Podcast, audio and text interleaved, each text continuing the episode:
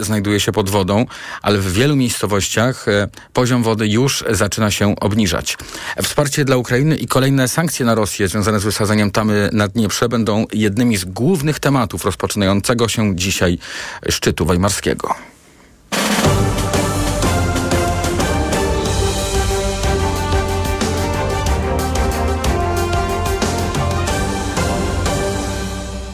TOK 360. Najpóźniej do 12 września zespół, który powołany został dzisiaj przez resort zdrowia, ma przedstawić projekt wytycznych dotyczących procedur przerywania ciąży w przypadku, gdy zagrożone jest życie albo zdrowie ciężarnej.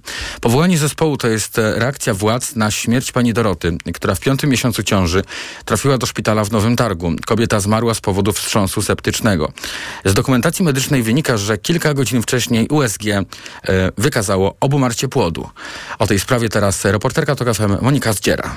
Przypadek pani Doroty wpisuje się w całe zagadnienie błędów medycznych, odpowiedział minister Adam Niedzielski, pytany, czy nie jest to pokłosie wyroku Trybunału Konstytucyjnego w sprawie aborcji. Walanie tej winy w błędzie na system, na presję systemową jest po prostu przykrywaniem tego, w jaki sposób i dlaczego błąd został popełniony. Powołany zespół ma zająć się opracowaniem zaleceń medycznych, ale także organizacją pracy oddziałów położniczych, zaznaczył konsultant krajowy do spraw ginekologii i położnictwa profesor Krzysztof Czajkowski. Jeżeli przychodzi do szpitala lekarz, ma pod opieką kilkadziesiąt pacjentek, mógł się opiekować również salą porodową. Jest oczywiste, że nie jest w stanie na przykład sprawdzić wszystkich wyników badań. To może skutkować fatalnie, tak jak chociażby w przypadku nowego targu. Po wypracowaniu zaleceń ma odbyć się cykl szkoleń personelu medycznego, dodał rzecznik praw pacjenta Bartłomiej Chmielowiec. Po to, aby edukować personel medyczny wszystkich placówek szpitalnych, w których są udzielane świadczenia ginekologiczno-położnicze, po to, aby też dać to narzędzie w postaci wiedzy, jak należy postępować w danych konkretnych sytuacjach. Ale to wszystko za mało, oceniła posłanka lewicy Magdalena Biejat. Bez zmiany prawa i nastawienia lekarzy nic się nie zmieni, bo w Polsce aborcja nie powinna być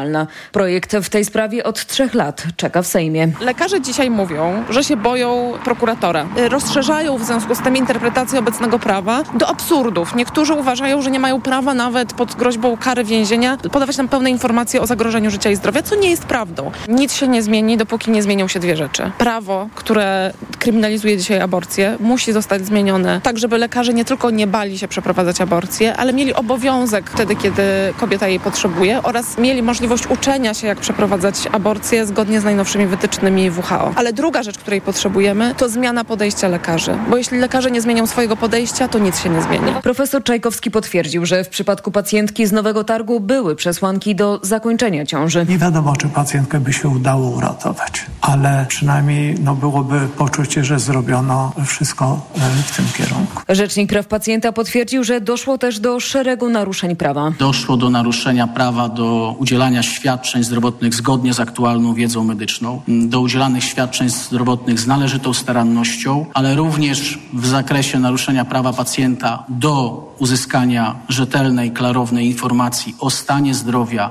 i tego, jaki jest plan terapeutyczny. W środę w wielu miastach Polski planowane są manifestacje pod hasłem ani jednej więcej.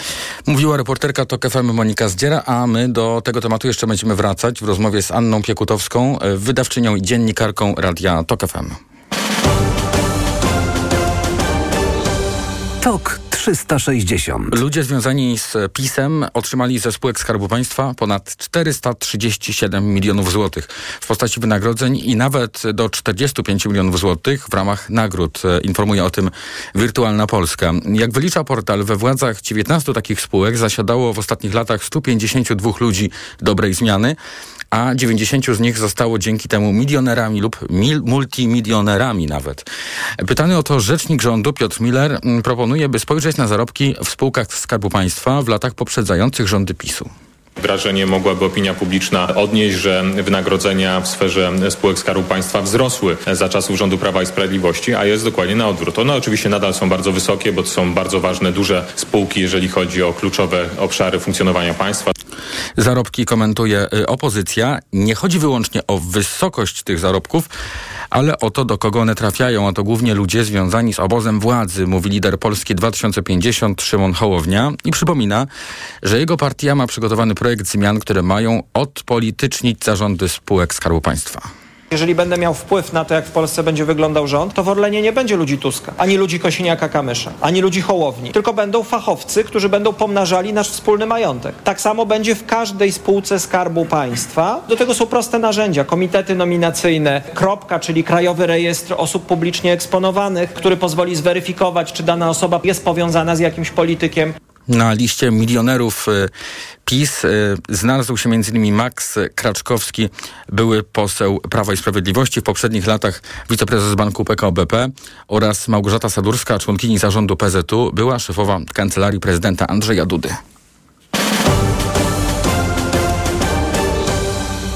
Gorąco zrobiło się wokół dzisiejszego spotkania zorganizowanego przez Trzecią Drogę, czyli Polskę 2050 Szymona Hołowni, wspomnianego przed chwilą, i Polskie Stronnictwo Ludowe. Konsultacje programowe dotyczyły edukacji, e, ale nie to wywołało kontrowersje, a to kogo Szymon Hołownia i ludowcy zaprosili na rozmowę. Zaproszenia wysłano do wszystkich partii politycznych, a więc także do Konfederacji oraz Prawa i Sprawiedliwości. Jak to wszystko się skończyło? O tym teraz opowie reporter TOK FM Maciej Kluczka.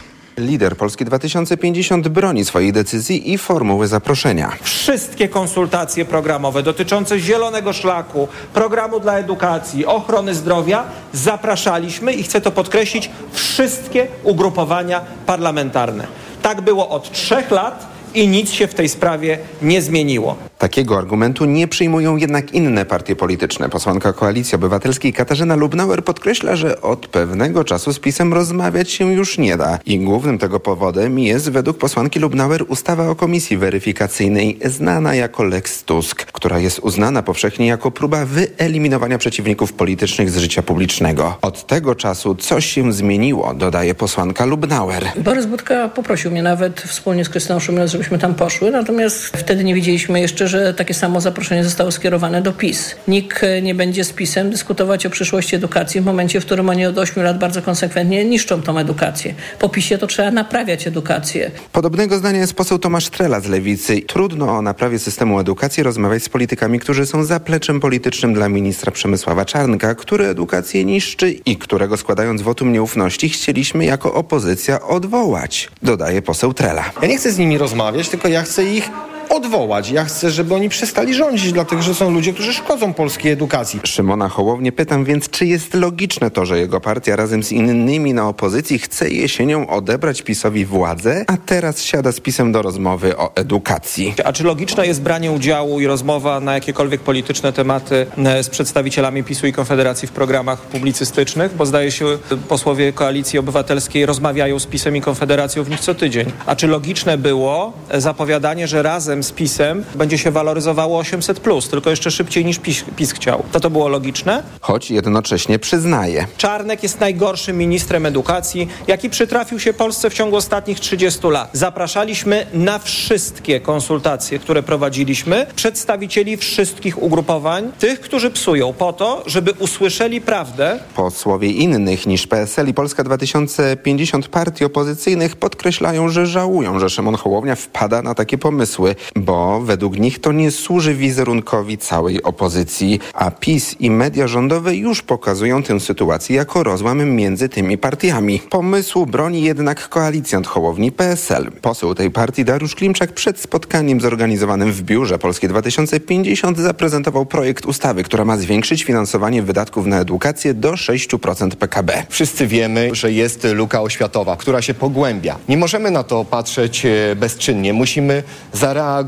Ostatecznie na spotkanie nie przyszedł nikt z opozycji. Do stołu z Polską 2050 i PSL-em usiadł wiceminister edukacji Tomasz Rzymkowski. Informował reporter TOK FM Maciej Kluczka. TOK 360. Sztab kryzysowy zwołany przez wojewodę opolskiego zlecił wczoraj pilne rozpoczęcie natleniania wody w kanale Gliwickim. W weekend e, znaleziono tam 450 kg śniętych ryb. Wszystko wskazuje na to, że zabił je gwałtowny spadek tlenu w wodzie. Eksperci nadal analizują próbki pobrane z rzeki. Wyniki z 10 czerwca wykazują obecność złotej algi w kanale Kęcierzyńskim oraz dwóch miejscach w kanale Gliwickim. Podczas posiedzenia sztabu kryzysowego wojewoda opolski zlecił częstsze badanie prób wody, codzienne raportowanie e, o sytuacji na kanałach, pobranie do analizy laboratoryjnej kolejnych ryb, e, ścisły monitoring e, kanałów i inne działania. Trzeba przygotować się zatem na powtórkę z ubiegłorocznej katastrofy ekologicznej. Tak to komentuje to w TOK FM Alicja Pawelec, kierowniczka Zespołu Ochrony Ekosystemów Wodnych WWF Polska. Musimy brać pod uwagę to, że scenariusz może się powtórzyć. Natomiast musimy przede wszystkim e, obserwować rzekę, musimy ją badać na bieżąco, jak wyglądają przekroczenia czy biogenów w rzece, czy przewodności, czy pH i temperatury. Więc trzeba tą rzekę monitorować. Jeżeli będzie wyższy stan wody, wyższy dużo niż latem zeszłego roku, no to być może uda się tej katastrofy albo uniknąć, albo ona będzie na mniejszą skalę. Natomiast nie wiemy tego. Musimy sprawdzać pogodę na, na najbliższe dni. No i przede wszystkim musimy zacząć działać, bo Polski Związek Wędkarski informuje o tych śnięciach ryb już od dłuższego czasu. To nie jest pierwsza informacja, którą oni wypuszczają. Natomiast fakt faktycznie nie widać jakiejś konkretnej reakcji służb w tym zakresie. Po przebadaniu kolejnych próbek e, rozważone będą dalsze działania w tej sprawie, a już jutro Sejm ma zająć się specustawą odrzańską. Projekt, który nie był niestety konsultowany z obywatelami, ma dotyczyć rewitalizacji rzeki. Ma też zapobiegać kolejnym zagrożeniom, choć e, na Odrze i w jej dopływach, jak słyszymy, takie zagrożenia są obserwowane już teraz, a nawet e, od miesięcy. Mm, jest w tej sprawie także wątek unijny. Według Według wspomnianej już organizacji WWF Polska projekt specustawy i założenia w nim zawarte stoją w sprzeczności z celami środowiskowymi ramowej dyrektywy wodnej, które to Polska musi osiągnąć do 2027 roku. Zupełnie błędnym założeniem jest to, że próbujemy ustawą zastąpić szeroko zakrojony program rewitalizacji rzeki.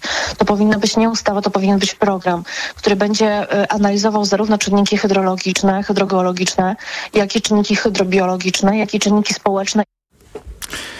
Ponadto, jak wskazuje organizacja, spośród 51 inwestycji, e, które są wpisane e, w ten projekt, 48 z nich to są roboty budowlane silnie ingerujące w ekosystemy rzeczne, no, co siłą rzeczy e, przeczy idei rewitalizacji. Pieniądze, te pierwsze środki w ramach specustawy mają być wydawane dopiero od przyszłego roku.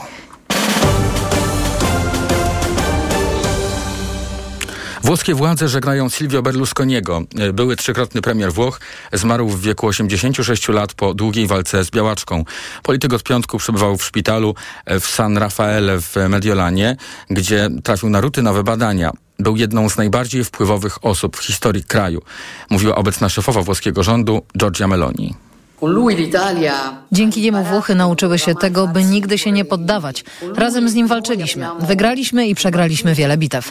Dla niego również przywieziemy do domu cele, które wspólnie wyznaczyliśmy. Żegnaj Silvio. Według agencji ANSA uroczystości pogrzebowe Berlusconiego odbędą się prawdopodobnie w środę w katedrze w Mediolanie. To będzie także Dzień Żałoby Narodowej. Śmierć Berlusconiego to koniec pewnej epoki we włoskiej polityce. E, oceniła w TOK FM dr Małgorzata Lorencka z Wydziału Nauk Politycznych Uniwersytetu Śląskiego tak naprawdę od końca 1993 roku, kiedy powstawała jego partia Forza Italia, no stał się głównym odniesieniem e, sceny politycznej włoskiej, bo była taka ostra oś podziału tak, na zwolenników, przeciwników e, Berlusconiego. Była to postać bardzo popularna, bardzo kontrowersyjna usłyszeliśmy w audycji połączenie. Oprócz kariery polityka był również biznesmenem e, i założycielem włoskiego imperium medialnego Mediaset, e, kontrolując w ten sposób prasę, stacje telewizyjne i agencje reklamowe. Także włoskie media y, mówią o zakończeniu pewnej ery po śmierci byłego premiera, który był związany z polityką od 29 lat o niewyobrażalnym sukcesie, jaki we włoskiej polityce odniósł były premier, mówił w programie A teraz na poważnie w TOK FM Piotr Podemski, historyk italianista z Uniwersytetu Warszawskiego. Można mówić o postaci odrażającej, która wniosła do włoskiego świata publicznego niemoralność i płacenie pieniędzy za najbardziej obrzydliwe procedery, bezkarność. Można mówić o tym, że był to człowiek, który świetnie się w życiu bawił. W tym wielu Włochów chciałoby go naśladować i bardzo mu tego zazdrościło. Berlusconi był bohaterem wielu skandali, a przeciwko niemu skierowano także wiele pozwów sądowych. Miał na koncie kilka spraw e, o korupcję, defraudacje finansowe i najgłośniejszą dotyczącą tzw. Tak afery Bunga Bunga, czyli serii orgii, w czasie której miał uprawiać seks z, miał, z małoletnią, a ostatecznie został w tej sprawie uniewinniony. W kwietniu i maju przebywał w szpitalu w sumie 45 dni, a w roku 2020 chorował na COVID-19. TOK 360. Modlitwy o opamiętanie, grzech masturbacji i seks, gdy pan mąż chce. Te lekcje ceni Czarnek. Tak zatytułowany jest artykuł na tok.fm.pl opisujący realia lekcji y, wychowania do życia w rodzinie, w polskiej szkole. Na lekcję katechetka zaprosiła starszego chłopaka z oazy. Miał dać świadectwo, czyli opowiedzieć jak wyleczył się z pokusy masturbacji, co komentuje jeden z uczniów. Kolej ze strachu przed Bogiem zrobił sobie odwyk i gasi swój popęd modlitwą. Jak lubi, to niech gasi, ale po co nam wciskać takie zabobony, mówi e, w TOK.fm.pl, w tekście na TOK.fm.pl 18-letni Daniel. Cały tekst e, Konrada Oprzętka, właśnie bogaty w e, takie komentarze i opinie uczniów przede wszystkim, znajdą Państwo na portalu TOK.fm.pl. A to jest podsumowanie dnia w Radiu TOK FM. Informacyjna część już za nami, przed nami druga część, w której komentarze naszych gości. Wcześniej Ekonomia 360 to już za chwilę. Widać wyraźnie, że w kwietniu ubiegłego roku nie chodziło o głodną Afrykę i Bliski Wschód, tylko przede wszystkim chodziło o wsparcie dużych koncernów międzynarodowych na Ukrainie w sprzedaży produktów żywnościowych, które czasowo były zablokowane przez blokadę na Morzu Czarnym. Miesiącami zapewnialiście, że wszystko jest pod kontrolą, że zboże z Ukrainy nie wjeżdża, że jest kontrolowane. Tymczasem wjechało zboże techniczne. To wy zafundowaliście dzisiaj Polakom, nam wszystkim, że jemy w naszym polskim chlebie chleb z mąki z mielonymi z robakami. Robakami, które przyjechały w zbożu technicznym. Jestem bardzo sceptyczny odnośnie tego, czy można skutecznie tą sytuację poprawić do żniw. I dziwi mnie brak reakcji rządu przez te wiele, wiele miesięcy, bo to nie jest problem, który wybuchnął w ostatnim tygodniu. Radio TOK FM. Pierwsze radio informacyjne. Posłuchaj aby zrozumieć.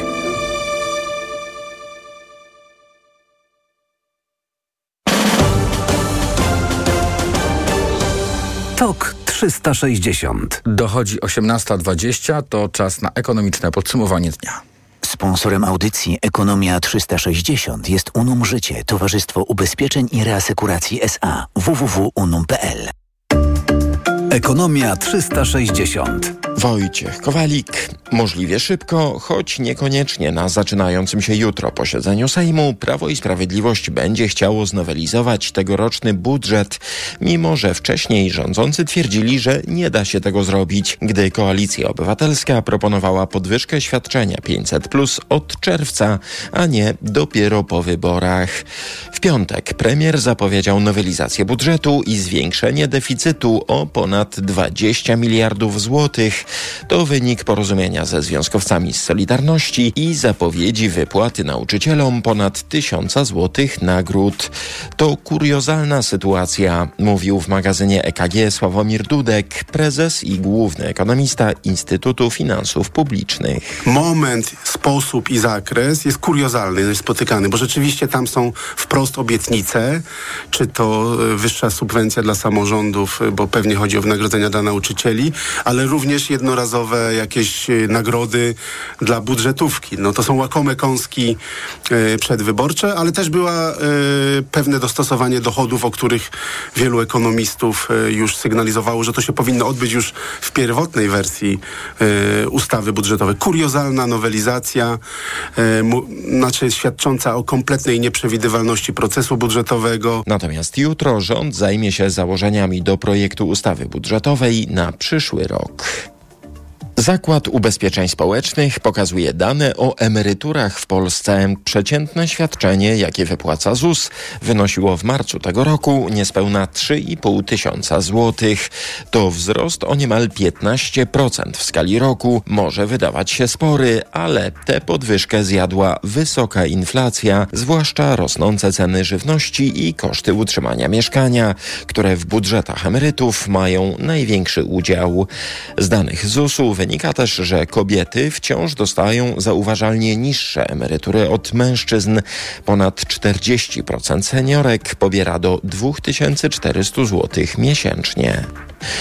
Polski złoty znów się umacnia. Do euro jest najsilniejszy od trzech lat. Główne przyczyny mogą być dwie, mówił w TOK FM Ignacy Morawski, główny ekonomista Pulsu Biznesu. Po pierwsze, kryzys energetyczny odchodzi w przeszłość, tak, e, do przyszłości. Ceny gazu na rynkach hurtowych spadły dość mocno, a to był duży problem w, re- w naszym regionie, bo drogi gaz, który my importujemy, powodował, że mieliśmy duży deficyt w bilansie płatności z zagranicą i to wywierało negatywną presję na walutę, teraz to się odwróciło.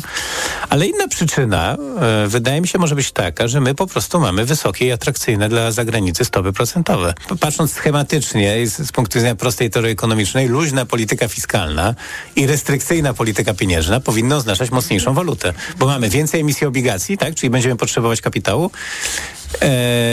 i bardzo atrakcyjną cenę dla inwestorów w sensie wysokich stóp procentowych, więc może to jest to. Dziś euro kosztuje 4 zł 44 grosze, frank po 4,54, dolar 4,13, funt po 5,16. A na warszawskiej giełdzie dzień kończy się spadkami na WIGU i WIGU 20 o 0,3%. Tu Radio Tok FM, pierwsze radio informacyjne. Niemal 80% polskich firm płaci zauważalnie wyższe rachunki za prąd. Tak wynika z badania Konfederacji Lewiatan. Przedsiębiorcy wskazują, że wzrost kosztów energii, gazu i opału ma największy wpływ na prowadzenie działalności.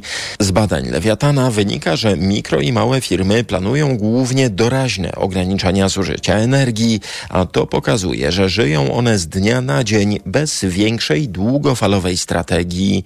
Oznacza to, jak czytamy w opracowaniu, że właściwe działania rządzących odpowiadające na obecny kryzys energetyczny są kluczowe dla wspierania płynności finansowej mikro i małych przedsiębiorstw.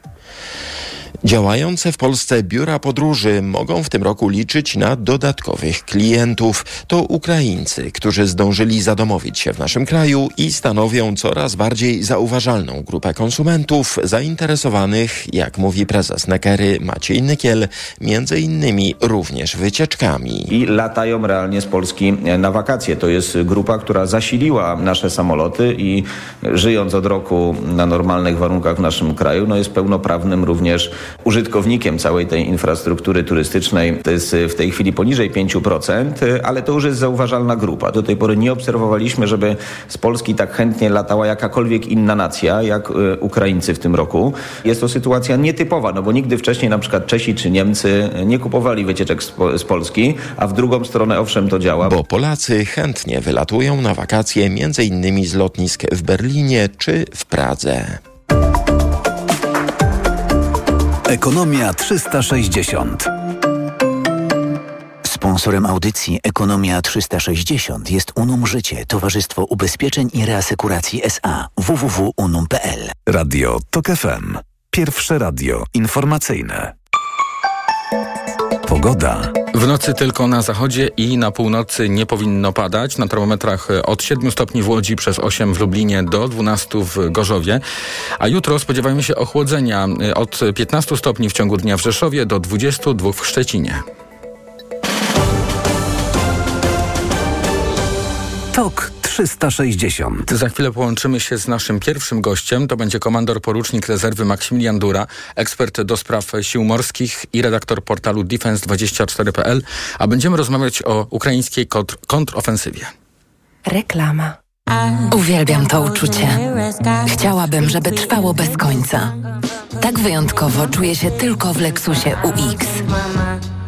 Stylowy crossover Lexus UX otula mnie komfortem i imponuje najnowocześniejszymi technologiami. Teraz Lexus UX już od 139 500 zł. Szczegóły na lexusmyślnikpolska.pl Lexus. Elitarny w każdym wymiarze. Bóle nóg, obrzęki, żylaki zatrzymują Cię w pół kroku? Przyczyną mogą być osłabione naczynia, a także zakrzepy. Sięgnij po nowość. Rostil Max z maksymalną dawką substancji czynnej w jednej tabletce. Rostil Max działa podwójnie, wzmacnia naczynia i przeciwdziała tworzeniu się zakrzepów. Rostil Max. Żylaki znikają. Raz, dwa. Aflofarm. Rostil Max. Tabletka zawiera 500 mg wapniatu bezylanu jednowodnego. Wskazania leczenia objawów przewlekłej niewydolności krążenia żylnego kończyn dolnych. To jest lek. Dla bezpieczeństwa stosuj go zgodnie z ulotką dołączoną do opakowania i tylko wtedy, gdy jest to konieczne. W przypadku wątpliwości skonsultuj się z lekarzem lub farmaceutą. Nie wiem o co chodzi. Ciągle łapię jakieś infekcje. Co się dzieje? No, te babskie sprawy. Zrób pH test na infekcje intymne z domowego laboratorium. Ja profilaktycznie sprawdzam pH, czy wszystko gra. Test na infekcje intymne? W razie dyskomfortu i profilaktycznie. Wynik masz po 10 sekundach. To proste. Sprawdź ten i inne testy w aptekach i na domowelaboratorium.pl. Twoje domowe laboratorium. Nasze 35 lat doświadczenia w diagnostyce. Ten produkt to wyrób medyczny. Dla bezpieczeństwa używaj go zgodnie z instrukcją lub etykietą. W przypadku wątpliwości skonsultuj się ze specjalistą. Producentem produktu jest Hydrex Diagnostics spółka ZOO. Chciałam to kupić na wakacje, ale jak patrzę na te ceny... To sprawdź na Allegro. Gwarancję najniższej ceny mają. Wszystko na wakacje? Mają. Wybieraj spośród tysięcy produktów z gwarancją najniższej ceny. Szczegóły na gwarancja.allegro.pl. Allegro. Reklama. TOK 360. Strona ukraińska informuje o tym, że y, wyzwolono spod rosyjskiej okupacji miejscowość y, Nowodariwka w obozie zaporowskim. Pojawiły się także informacje ukraińskiego MONU o wyzwoleniu wsi e, Storożewę, która jest położona w obwodzie donieckim. E, kolejne takie informacje dotyczy, dotyczą e, przejęcia kontroli nad Błahodatnem, miejscowością właśnie w, mniej więcej w tej samej części Ukrainy. O to, na ile to jest istotny postęp w ukraińskiej kontrofensywie, będę pytał teraz komandora porucznika rezerwy Maksymiliana Durę, eksperta do spraw sił morskich i redaktora portalu defense24.pl. Dzień dobry, witam pana w podsumowaniu dnia. Dzień dobry, witam serdecznie. Y, Jak wiele w pańskiej ocenie udało się przez te minione dni y, mm, zrobić Ukraińcom w tej kontrofensywie? Panie doktorze, i wiele, i niewiele. To znaczy na zasadzie takiej, że nie można mówić, że ofensywa ukraińska poniosła klęskę, ponieważ my nie znaliśmy planów w ogóle tej ofensywy ukraińskiej. Natomiast w rzeczywistości Ukraińcy jednak posuwają się do przodu. Powoli, oszczędzając prawdopodobnie swoich żołnierzy, ale posuwają się do przodu. Te trzy kierunki, o których pan mówił, a właściwie dwa kierunki, o których pan mówił, jeszcze tutaj warto dodać o Bachmucie, czyli miejscu, gdzie jeszcze też następuje natarcie ze strony ukraińskiej, to te trzy miejsca powodują, że domyślamy się, że mogą być właśnie trzy kierunki uderzenia. Pierwsze uderzenie to, tak jak mówiłem, Bachmut, czyli odbicie tego miasta, co byłoby ogromnym policzkiem dla Rosjan. Druga, druga sprawa to jest obwód doniecki. Tam idzie w okolicach Wuchedaru, to jest miejscowość, która nakierowuje tą ofensywę na Mariupol i na Berdiańsk, czyli w kierunku Morza Azowskiego. No i trzeci kierunek, chyba taki najbardziej obiecujący, to jest kierunek zaporowski, czyli wzdłuż Dniepru w kierunku Krymu. I to na Melitopol, a więc odcięcie w ogóle, przecięcie wojsk rosyjskich na dwie części. I co tu dużo mówić, rozpoczęcie operacji wyzwolenia Krymu. Te trzy kierunki są najważniejsze w tej chwili. A proszę powiedzieć, no bo to nie jest jakaś e, e, wielka zmiana, znaczy to nie jest takie odzyskanie terytoriów jak e, w przypadku udanej kontrofensywy w okolicach Charkowa. I jak to odbierać? Czy to znaczy, że mimo tych przygotowywanych miesiącami sił udało się tylko tyle uzyskać terytoriów, czy też siły są oszczędzane? I dlatego są takie próby na razie podejmowane. Panie profesorze, bardzo dobrze, że to pan powiedział. Te siły są prawdopodobnie oszczędzane. Na zasadzie takiej, że rzeczywiście w obwodzie charkowskim operacja przebiegała bardziej spektak spektakularnie. Tam rzeczywiście przesuwanie się oddziałów było bardzo szybkie, zajmowano duże terytorium, Rosjanie po prostu uciekali. Ale my musimy pamiętać, że przygotowanie do, do tej ofensywy trwały kilka miesięcy i Rosjanie się tej ofensywy spodziewali. Więc oni zbudowali linię umocnień i prawdopodobnie, bo my oczywiście tego nie wiemy, prawdopodobnie operacja ukraińska polega na tym, że w momencie, kiedy ukraińskie wojska napotykają na opór, to nie idą na to nie idą całym uderzeniem, ale po prostu artylerią niszczą te stanowiska oporu i potem przesuwają się do przodu. Taka operacja trwa w kilku miejscach. Pan wspomniał chyba z tego, co pamiętam, o trzech miejscowościach. Takich miejscowości tak. wyzwolono kilkanaście. Tych, o, to są takie osiedla, małe miejscowości, niewielkie wioski, ale jednak ta operacja posuwa się szczególnie w obwodzie zaporowskim. Bardzo znamienny jest taki teren, którego się dużo ludzi nie spodziewało, że jednak idzie także natarcie w kierunku Mariupola. Odległość do Morza Azowskiego od miejsca, gdzie w tej chwili znajdują się wojska ukraińskie, to jest około 70 kilometrów. Jeżeli obrona rosyjska pęknie, no to ukraińskie wojska mogą się znaleźć w tamtym kierunku nawet w ciągu jednego dnia. Więc wszystko zależy od tego, jaki opór zostanie postawiony przez, przez Rosjan i co najważniejsze, jak rozbudowana jest cała ta linia umocnień, bo jeżeli to jest tylko jedna lub dwie linie, to Ukraińcy sobie z tym poradzą. Jeżeli te linie zostały rozbudowane bardzo głęboko i szeroko, no to może być ten problem i to będzie trwało dłużej. Bo jak powiedziałem na samym początku i to, co pan zaznaczył, rzeczywiście Ukraińcy działają w taki sposób, aby zmniejszyć straty wśród swoich żołnierzy. I to się na, jak na razie udaje. A proszę powiedzieć, e, na ile istotne są straty, które ponosi strona ukraińska, bo słyszymy o tym, że część tego zachodniego sprzętu, który był przeznaczony właśnie do walki z e, Rosjanami, e, część, część tego sprzętu już nie ma po tej właśnie, po tych walkach ostatnich. To znaczy, Panie doktorze, ja oczywiście wiem, że Rosjanie bardzo mocno w swoich y, propagandowych y, informacjach pokazują, że zniszczone są po kilkadziesiąt czołgów Leopard, po kilkadziesiąt pojazdów Bradley i tak dalej, i tak dalej. Natomiast my musimy patrzeć na to przez troszeczkę przez palce. To znaczy, że to nie jest tak, że Rosji, ukraińskie wojska idą i rzeczywiście narażają się na ten ogień artyleryjski i ogień broni przeciwpancernej. Oni bardziej się chronią te pierwsze filmy, które pokazywało Ministerstwo Obrony, to była rosyjskie i to była kompromitacja, dlatego że oni pokazali atak swoich śmigłowców i chwalili się, to jest moment pierwszego zniszczenia czołgów Leopard, natomiast to był tak naprawdę atak na maszyny rolnicze. I tym chwaliło się Minobrona, więc tutaj rzeczywiście oni ponieśli klęskę propagandową, natomiast niewątpliwie do strat już dochodzi. Wiemy już o zniszczonych kilku czołgów, czołgach Leopard, ale to są straty, które, no pamiętajmy, to jest ofensywa. W ofensywie strona atakująca zawsze ponosi większe straty.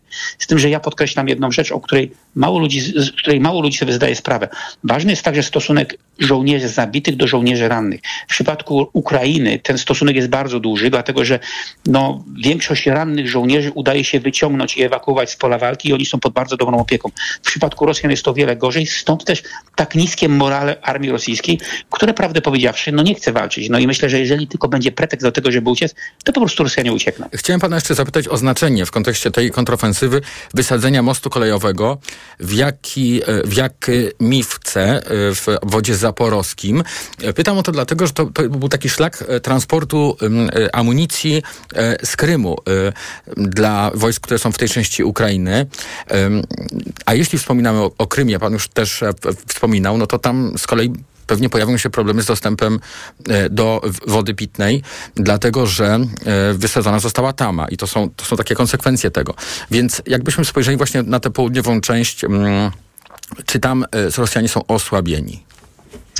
są bardzo słabieni i to głównie z powodu własnej głupoty, czyli z powodu wysadzenia tamy w Nowej Kachowce.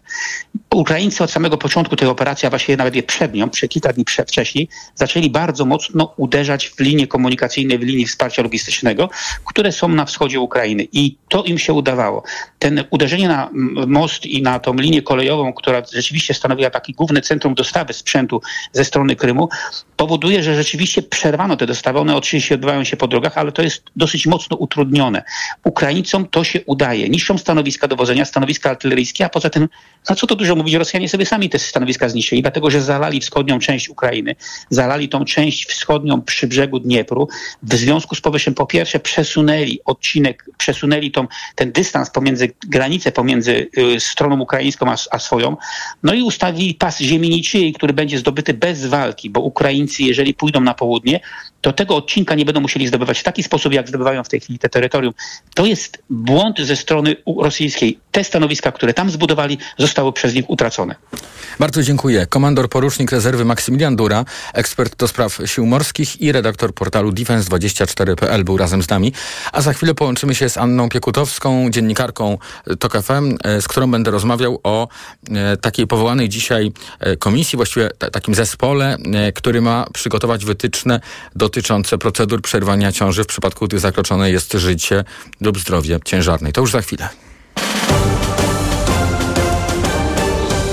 TOK 360. Reklama. Wielu z nas rozgląda się teraz za nowym autem, jednak oferta nie zawsze jest atrakcyjna. Dlatego warto przyjrzeć się bliżej temu, co oferuje Toyota Outlet, w którym idealna dla rodziny Toyota Yaris Cross dostępna jest w cenie 92 900 zł. A jak już będziemy na miejscu, nie zaszkodzi zapoznać się także z ofertą na inne modele tej słynącej z niezawodności marki. Szczegóły w salonach Toyoty. Jestem lekarzem. Często przyjmuję pacjentów, którym nic nie pomaga na uciążliwy kaszel mimo rzucenia palenia. Nic dziwnego, to kaszel palacza. Lekceważony może mieć poważne konsekwencje. Rozwiązaniem jest wyrób medyczny Detusan. Detusan to specjalistyczne pastylki, które zmniejszają częstotliwość kaszlu i chronią błonę śluzową gardła podrażnioną przez palenie i kaszel. Detusan pomógł wielu moim pacjentom. Detusan uwolni się od kaszlu palacza. Palenie szkodzi zdrowiu. Dolegliwości układu oddechowego wymagają diagnostyki w celu ustalenia ich przyczyn. W tym tygodniu w Lidlu kierunek Azja. Makarony już od złoty 99. Mleczko kokosowe najniższa cena z 30 dni przed obniżką 5,99 za puszkę 425 ml. A teraz druga puszka aż 66% taniej. Tak smakuje świat. Wiesz, śniła mi się dzisiaj taka piękna letnia altana. A ja spałem jak zabity. A tobie co się śni? Wejdź na pocztowy.pl i przekonaj się, że można nie odkładać marzeń na lepsze czasy. Bank Pocztowy. Im prościej, tym lepiej. Dlaczego zmieniłam tabletki na wątrobę i stosuję Proliver Cardio? Bo poprzednie tylko chroniły wątrobę, a Proliver Cardio również stymuluje pracę układu pokarmowego. Proliver nie tylko wspomaga wątrobę, ale również wspiera odtruwanie. I dodatkowo Proliver Cardio wspiera zdrowe serce. Suplement diety Proliver Cardio. Zdrowie wątroby i serca. Dostępny również Proliver plus Magnes. Aflofarm. Wyciąg z liści karczocha wspiera funkcjonowanie przewodu pokarmowego, wątroby, wydzielanie soków trawiennych oraz detoksykację organizmu. Wyciąg z ostryżu długiego wspiera funkcjonowanie serca. Bo w Media Expert taniej masz. O tak, taniej masz. Kupuj taniej w Media Expert. Na przykład ekspres automatyczny Siemens. Pyszna mleczna kawa za jednym dotknięciem. Najniższa cena z ostatnich 30 dni przed obniżką 3299 zł. Teraz za jedyne 2799 z kodem rabatowym taniej o 500 zł. Bo w Media Expert えっ? Cześć, tu moja automatyczna sekretarka. Teraz nie mogę rozmawiać, bo smacznie śpię. A to dlatego, że wieczorem biorę suplement diety Valerin Sen. Tabletki Valerin Sen o naturalnym składzie ułatwiają mi zasypianie i wspomagają spokojny sen bez wybudzeń przez całą noc. Odzwonię rano, kiedy wstanę wyspana i wypoczęta. Dobranoc. Wyciąg z ziela melisy wspomaga odprężenie. Wyciąg z szyszek chmielu wspiera utrzymanie zdrowego snu. Valerin Sen. Zdrowa dawka snu. Aflofarm. Udajemy się w podróż, o której nikt dotąd nawet nie śnił. Tego lata The Grand Tour przybywa do Polski. Zapraszamy do The Grand Tour. The Grand Tour Euro Crush. Oglądaj tylko na Amazon Prime. Po mamie mam wiele wspaniałych cech i jedną złą – skłonność do bolących nóg i żylaków. Ale z pomocą przyszedł mi Diohespan Max. Lek z najwyższą dawką 1000 mg diosminy. Odkąd stosuję Diohespan Max, zapomniałam o bólach nóg i nie boję się żylaków. Z pełnym przekonaniem poleciłam go mamie. Diohespan Max. Maksymalna ulga dla nóg. Aflofarm. Diohespan Max. Jedna tabletka zawiera 1000 mg zimpronizowanej diosminy. Wskazania przewlekła niewydolność krążenia żylnego kończyn dolnych. Żylaki. To jest lek. Dla bezpieczeństwa stosuj go zgodnie z ulotką dołączoną do opakowania i tylko wtedy, gdy jest to konieczne. W przypadku wątpliwości skonsultuj się z lekarzem lub farmaceutą. Reklama. TOK 360. Specjalny zespół ma przedstawić projekt wytycznych dotyczących procedur przerywania ciąży w przypadku, gdy zagrożone jest życie lub zdrowie e, ciężarnej.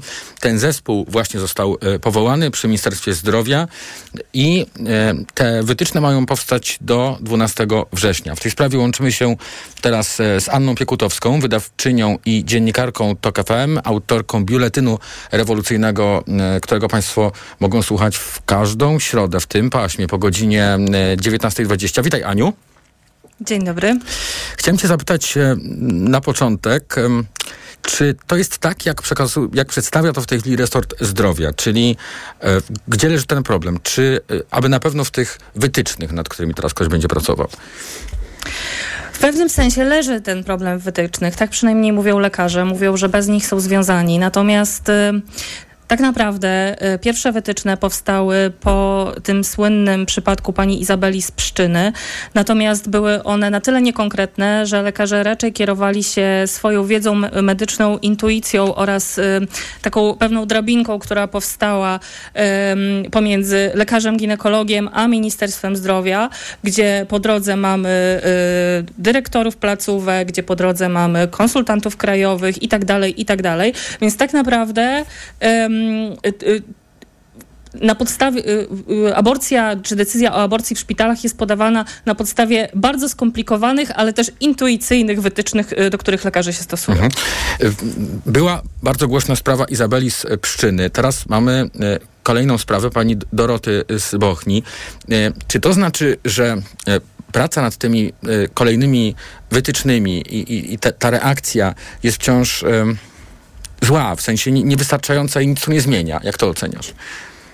Znaczy ja myślę, że y, to jest bardzo dobrze, że dzisiaj y, minister Niedzielski wyszedł i powiedział przede wszystkim o tym, że y, według polskiego prawa aborcja jest dozwolona w wyniku zagrożenia zdrowia lub życia i te przesłanki mogą wyglądać, mogą być rozdzielne. To znaczy może to być zagrożenie zdrowia albo zagrożenie życia, dlatego że panuje takie powszechne przekonanie, w wyniku którego też lekarze tak postępowali, to znaczy interpretowali to w ten sposób, że aborcja jest dozwolona wtedy, kiedy e, jesteśmy już po prostu na granicy zdrowia i życia, e, na granicy śmierci i życia, czyli kiedy jest poważne zagrożenie życia, bezpośrednie zagrożenie życia. Natomiast e, oczywiście w prawie tego nie ma, prawo jest bardzo proste e, i tak naprawdę tylko jego interpretacja e, lekarzy, czy właśnie konsultantów krajowych i tak dalej, zależy od tego, jak ono będzie, jak ono będzie realizowane. E, teraz mamy powołanie zespołu, już wiemy, kto będzie w tym zespole. Wiemy też, na przykład dzisiaj na konferencji padło i w takim tonie tego, że to jest bardzo ważna informacja, że będzie tam e, połowa kobiet, zatem ma być on reprezentatywny e, dla różnych środowisk, którym zależy na wypracowaniu nowych standardów. Natomiast e, ja chciałabym zapytać pana ministra, czy tam będą osoby, które te aborcje na co dzień robią. To znaczy, myślę, że warto by było zaprosić do takiego zespołu aktywistów, aktywistki, którzy rzeczywiście pomagają mhm. kobietom na na co dzień. E, dużo częściej niż lekarze, bo chociażby aborcyjny Dream Team robi około setki aborcji dziennie, pomaga, wspiera kobiety w e, około setce aborcji e, dziennie, kiedy to nasze klasyfikacje i dane z Ministerstwa Zdrowia pokazują, że tyle legalnie aborcji jest przeprowadzonych w polskich szpitalach w ciągu roku. Więc to są niesamowite, niesamowite różnice. I ja bym chciała, żeby te organizacje zostały włączone do wypracowania wytycznych, chociaż prawdopodobnie prawdopodobnie to się, e, e, tego się nie znajdzie, też chcia, e, tak, tak się nie wydarzy. Chciałabym też usłyszeć dzisiaj od ministra Niedziel, Niedzielskiego i, i pana konsultanta krajowego Krzysztofa Czajkowskiego, który też dzisiaj występował co dalej z klauzulą sumienia, która również jest ogromną blokadą, jeśli chodzi o dostęp do aborcji w polskich szpitalach. E, chciałabym też usłyszeć od nich e, przede wszystkim jakieś mocne stanowisko na temat tego, że kobieta jest zawsze na pierwszym miejscu. Znaczy kobieta i zdrowie kobiety jest ważniejsze od e, zdrowia płodu. Tego niestety mhm. dzisiaj nie Czyli usłyszeliśmy i prawdopodobnie nie usłyszymy. A wciąż to jest po prostu niewystarczająca reakcja. Chciałem cię poprosić jeszcze o komentarz do oświadczenia Polskiego Towarzystwa Ginekologów i Położników. Obecnie prowadzona kampania kampania przedwczesnych osądów jest zjawiskiem absurdalnym. Czytamy w nim, na pewno znasz to oświadczenie. Chciałem tak cię zapytać, mm, e, co tutaj się powinno zmienić? E, czy postawa lekarzy, e, czy, czy prawo? I jak ty odbierasz to oświadczenie tego towarzystwa? Przede wszystkim y, Polskie Towarzystwo Ginekologów i Położników wydało oświadczenie, które dzisiaj jest już nieaktualne. Dlatego, że między innymi towarzystwo apelowało o niewydawanie przedwczesnych wyroków na temat y, śmierci pani Doroty, a dzisiaj Rzecznik Praw Pacjenta Bartosz Chmielowiec przyznał, że doszło do naruszenia prawa y, i doświadczeń zdrowotnych, i doświadczeń udzielanych z należytą starannością, do informacji o stanie zdrowia, prawa do informacji o stanie zdrowia oraz do, do dostępu do dokumentacji medycznej. Więc y, już wiemy, że tam jednak doszło do nieprawidłowości. Po drugie, y, mam wrażenie, że lekarze w tym stanowisku nieco szantażują opinię publiczną i osoby, do których to stanowisko jest skierowane, bo jeśli słyszymy, że w wyniku tej krytyki, która teraz podnosi się w sprawie lekarzy ginekologii, to pacjentki są narażone, no to, no to jest absurd. Teraz są narażone, więc y, myślę, że mhm. krytyka i krytyczne podchodzenie do tego, jak zachowują się lekarze, jest całkowicie uprawnione. No z tego stanowiska też wynika, że lekarze głównie troszczą się o siebie. Y, nie ma tam ani słowa o pacjentkach, o ich dobru, o ich dobrostanie, y, o tym, że lekarze są solidarni z pacjentkami, albo chociażby wyrażają przykrość w związku z mhm. sytuacją pani Doroty. Chciałbym, żebyśmy zdążyli jeszcze powiedzieć o manifestacjach planowanych na najbliższą środę e, pod hasłem e, ani jednej e, więcej. Czy to będzie coś równie takiego istotnego, jeśli chodzi o, o, o wydarzenie w, w społeczeństwie jak strajk kobiet? Czego ty się spodziewasz?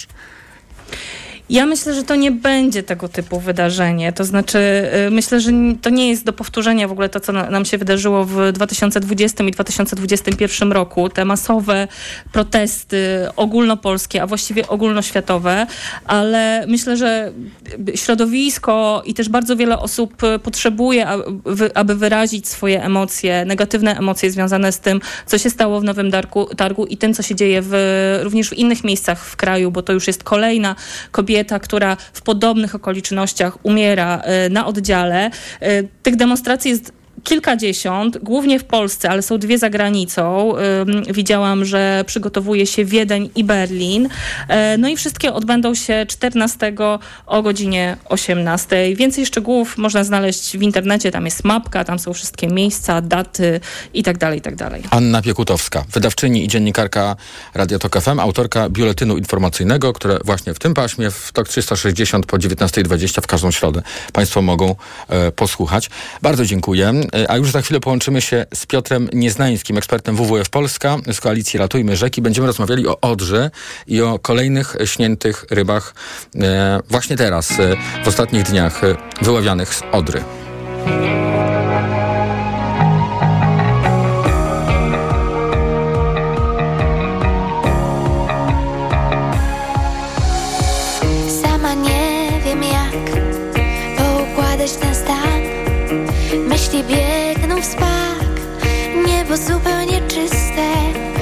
W ciszy jeden głos. Woła mnie to znak. Truskawkowy smak. Romantyczny film. Chociaż bez zakończenia. Lubię patrzeć prosto w ogień I pali coraz więcej spojrzeń. Chociaż bardziej chcę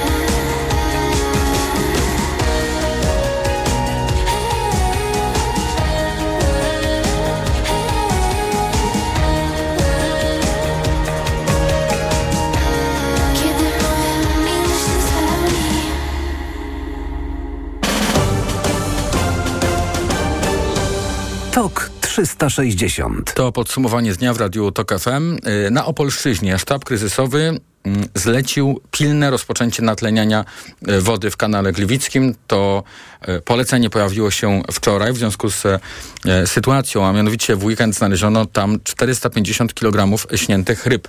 W tej sprawie już teraz łączymy się z Piotrem Nieznańskim, ekspertem WWF Polska z Koalicji Ratujmy Rzeki. Dzień dobry. Dzień dobry, witam.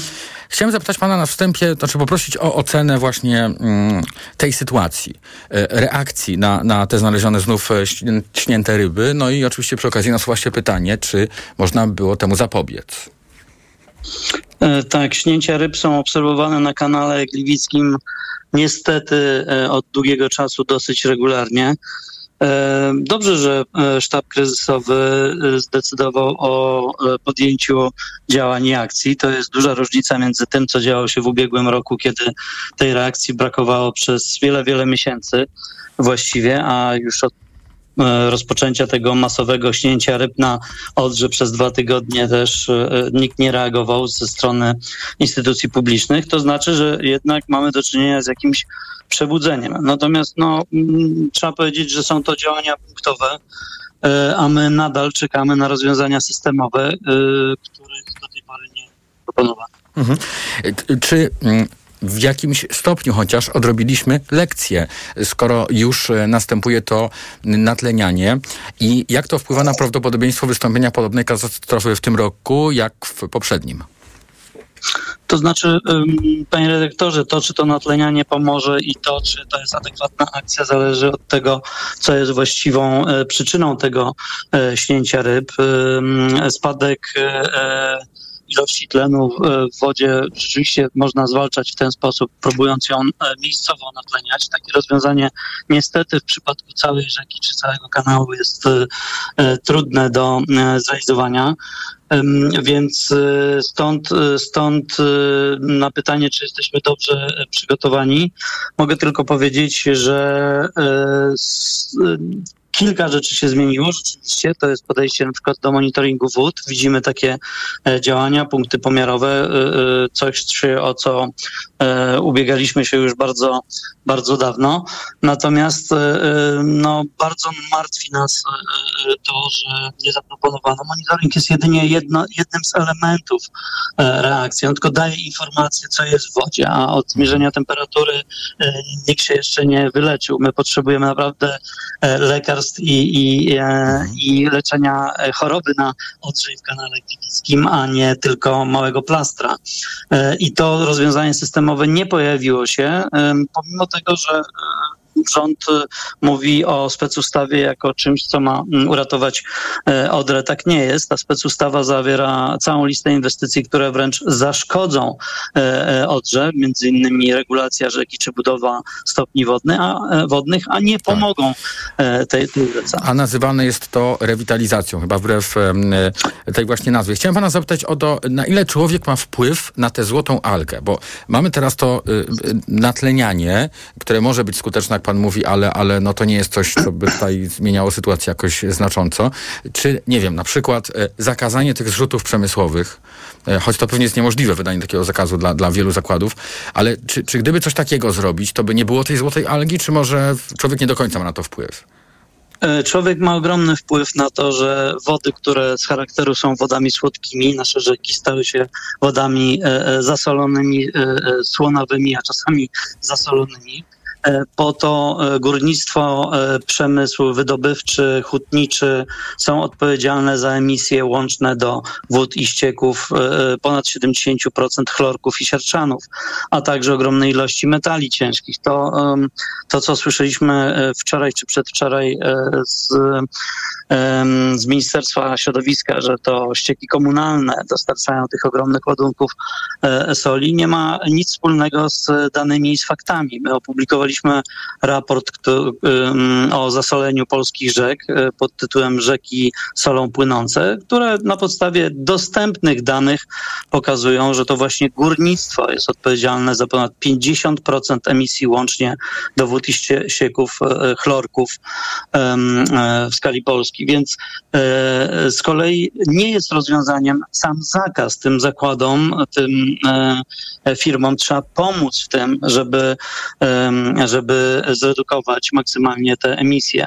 E, więc tutaj potrzebna jest bardzo rozsądna polityka, dialog, e, słuchanie nauki i podjęcie bardzo e, zasadniczych kroków, żeby tę, tę emisję ograniczyć. To jest absolutnie podstawa, żeby mówić o poprawie jakości wód w Polsce. Przypomnę Państwu, że tylko 1,1% polskich wód jest w dobrym stanie ekologicznym. 99% polskich wód powierzchniowych wymaga już działań poprawiających ich stan ekologiczny. Poproszę jeszcze na koniec, żeby pan e, e, możliwie krótko e, odpowiedział na takie pytanie, czy rząd tutaj chroni interesów tych zakładów, w tym zakładów państwowych, które dokonują tych zrzutów, no bo wygląda to, że mamy przyczynę, a nikt nie mówi o, nikt decyzyjny nie mówi o, o, o tym, żeby w jakiś sposób to ukrócić.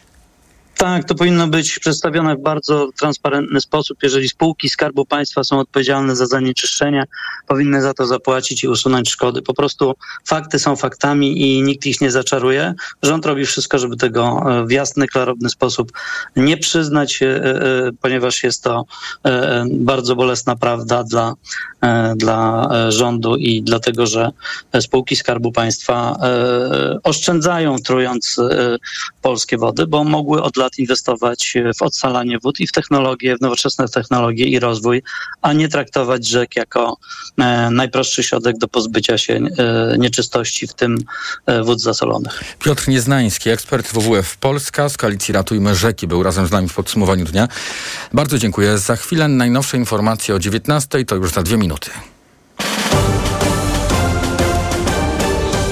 TOK 360. Radio TOK FM. Pierwsze radio informacyjne. Reklama. Jak dobrze wstać,